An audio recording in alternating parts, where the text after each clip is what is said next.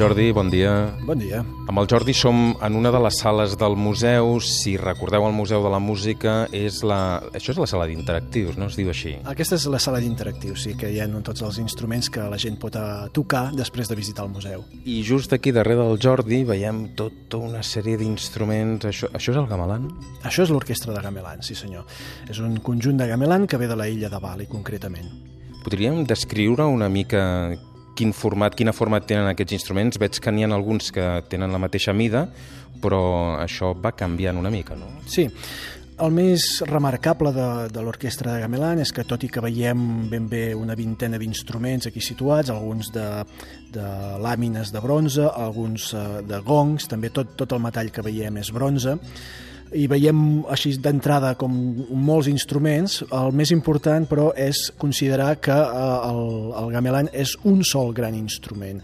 Determinada gent també l'anomena com l'instrument col·lectiu, és a dir, que realment a l'hora de, de crear-lo i a l'hora d'interpretar-lo la gent s'ha de posar al cap que realment estan tocant un únic instrument, el que passa que repartit entre diverses persones. Per tant, no hem de parlar d'un intèrpret de gamelan, sinó d'un conjunt d'intèrprets, és això? Correcte, el gamelan no es pot tocar en solitari. A més a més, també per, per assajar i per aprendre els temes, és absurd que un músic de gamelan agafi un dels instruments, se'ls emporti a casa, com fem aquí nosaltres, no? que cadascú s'estudia la seva part a casa i després ho posa en comú.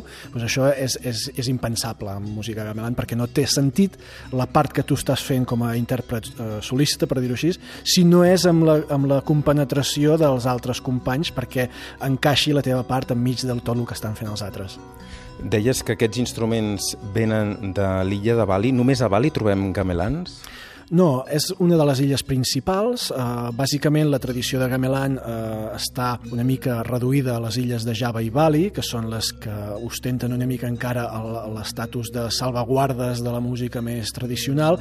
Indonèsia és un arxipèlag enorme de més de 17.000 illes, vull dir que hi ha una diversitat cultural impressionant i eh, parlar del gamelan d'Indonèsia és com parlar de la guitarra espanyola aquí, vull dir, evidentment que hi ha milers d'altres instruments que fem servir i expressions regionals variadíssimes, eh, només en el conjunt d'Espanya, imagineu-vos Indonèsia, no? eh, que és un, és un dels països més grans del món.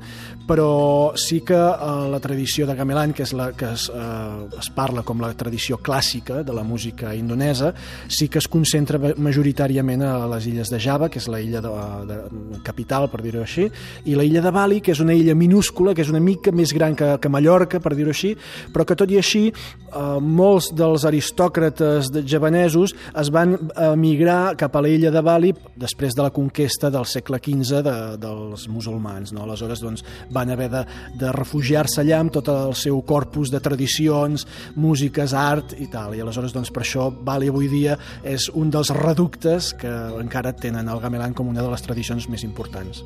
Des de quan? Quan se sap que apareixen aquests instruments? Tenim algun document? Tenim constància? Sí. El primer document que mostra un grup de gent tocant instruments gamelan o, o similars és un, és un relleu del temple de Borobudur, que, de, de l'illa de Java, que està datat al segle VIII.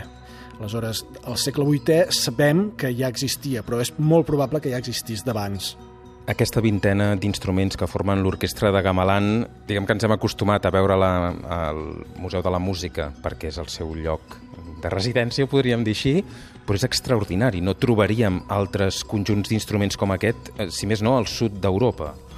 Correcte. Aquí, per exemple, aquí a Espanya només n'hi han dos i l'altre conjunt de gamelan no és de Bali. O sigui que si comentem com a gamelan de Bali, el del, el del Museu de la Música d'aquí de Barcelona és l'únic que hi ha en tot l'estat espanyol. Sí que hi ha altres conjunts javanesos, per exemple el que hi ha a l'ambaixada de Madrid, que és aquest que us deia, l'altre conjunt que tenim aquí a Espanya, i hi ha altres conjunts javanesos una mica escampats, una mica en trobem alguns per França, alguns per, per altres països, alguns a Alemanya, sobretot a Anglaterra, és molt curiós que n'hi ha molts, va, hi va haver una, una a, a través del seu període colonialista doncs van, van importar moltes, molts conjunts de gamelan i eh, sobretot també a Holanda perquè és eh, el, el país colonitzador d'Indonèsia no? i aleshores doncs, eh, allà també tenen certa tradició de, de grups de gamelan tocats per occidentals però que són, són eh, bastant, bastant bons també, sí, sí.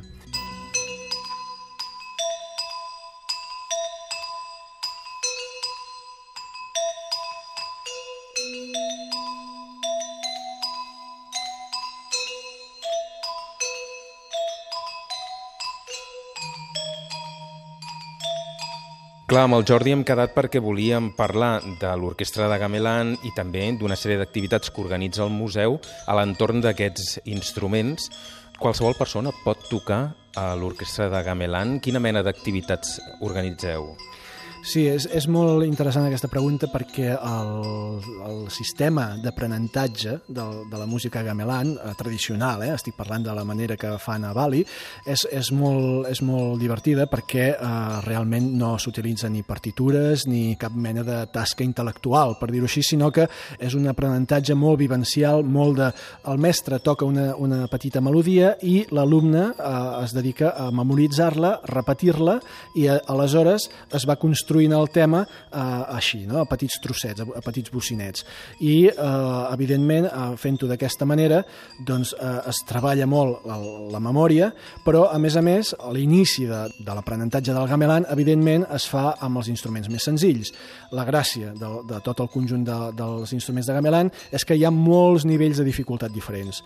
Hi ha nivells molt bàsics i a, a, a partir de que un ja ho domina i se sent còmode, pot anar progressant i anar evolucionant evolucionant cap als instruments més complicats, que és com el que et deia abans, que el, un bon director d'orquestra gamelan ha d'haver recorregut tots els instruments, ha d'haver passat per tots els instruments fins a arribar al kendang, que és el més, el més complex.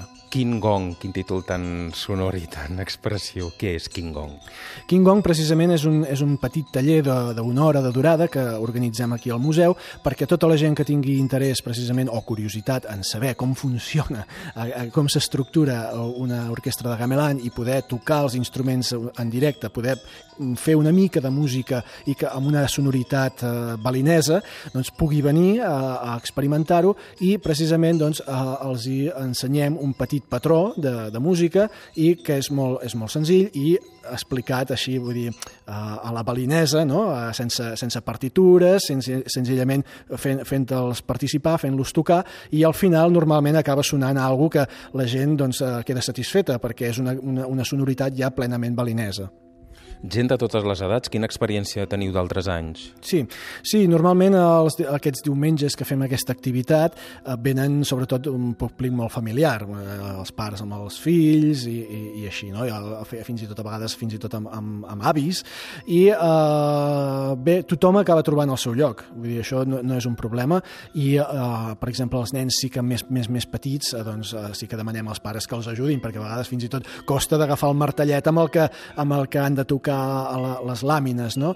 Però a part d'aquestes petites eh, inconvenients, doncs eh, tothom pot eh, arribar a tocar el, el gamelan amb un cert nivell d'exigència, de, per dir-ho així, amb, amb una hora. Vull dir, acabem tocant eh, algo que eh, fins i tot eh, cap al final de la classe, aquesta classe que fem, doncs ho, ho anem accelerant una mica fins a una velocitat una mica considerable perquè la gent eh, tingui ben bé la sensació de que està tocant algú amb sentit, no? Hem parlat d'aquesta activitat que es fa normalment un diumenge al mes al museu, oberta al públic en general, però qui vulgui pot fer algun taller particular, és a dir, organitzar i muntar un taller. Correcte.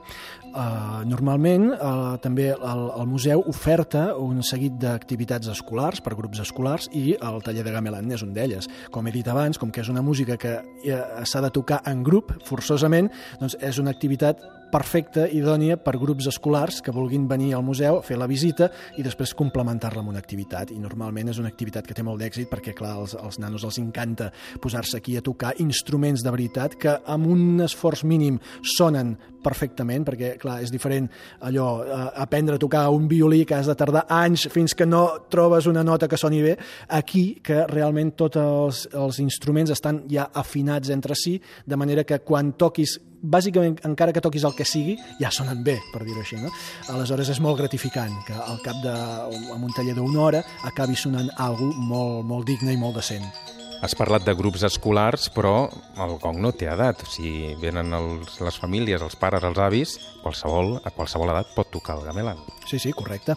No només, no només fem aquesta activitat per grups escolars, sinó que també l'adaptem a altres tipus de públics, per exemple, a escoles de música que vulguin aprendre uh, un sistema musical completament diferent al que estan acostumats a estudiar i veure que hi ha altres sistemes més enllà de, de l'harmonia occidental, per dir-ho així, i també és un públic que, que interès, els interessa molt aquest tipus d'activitat i en tenim diversos grups i per tant doncs, jo animo que qualsevol persona que tingui cert interès en, en descobrir un tipus de música completament diferent i tingui ganes d'organitzar un grup per venir aquí a tocar amb, amb una vintena de persones, doncs estarem encantats d'acollir-lo per poder-ho fer. Jordi Casadevall, responsable d'aquest taller de Gamelan. Moltíssimes gràcies per dedicar-nos aquests minuts i que vagi molt bé. Moltes gràcies a vosaltres. Fins aviat.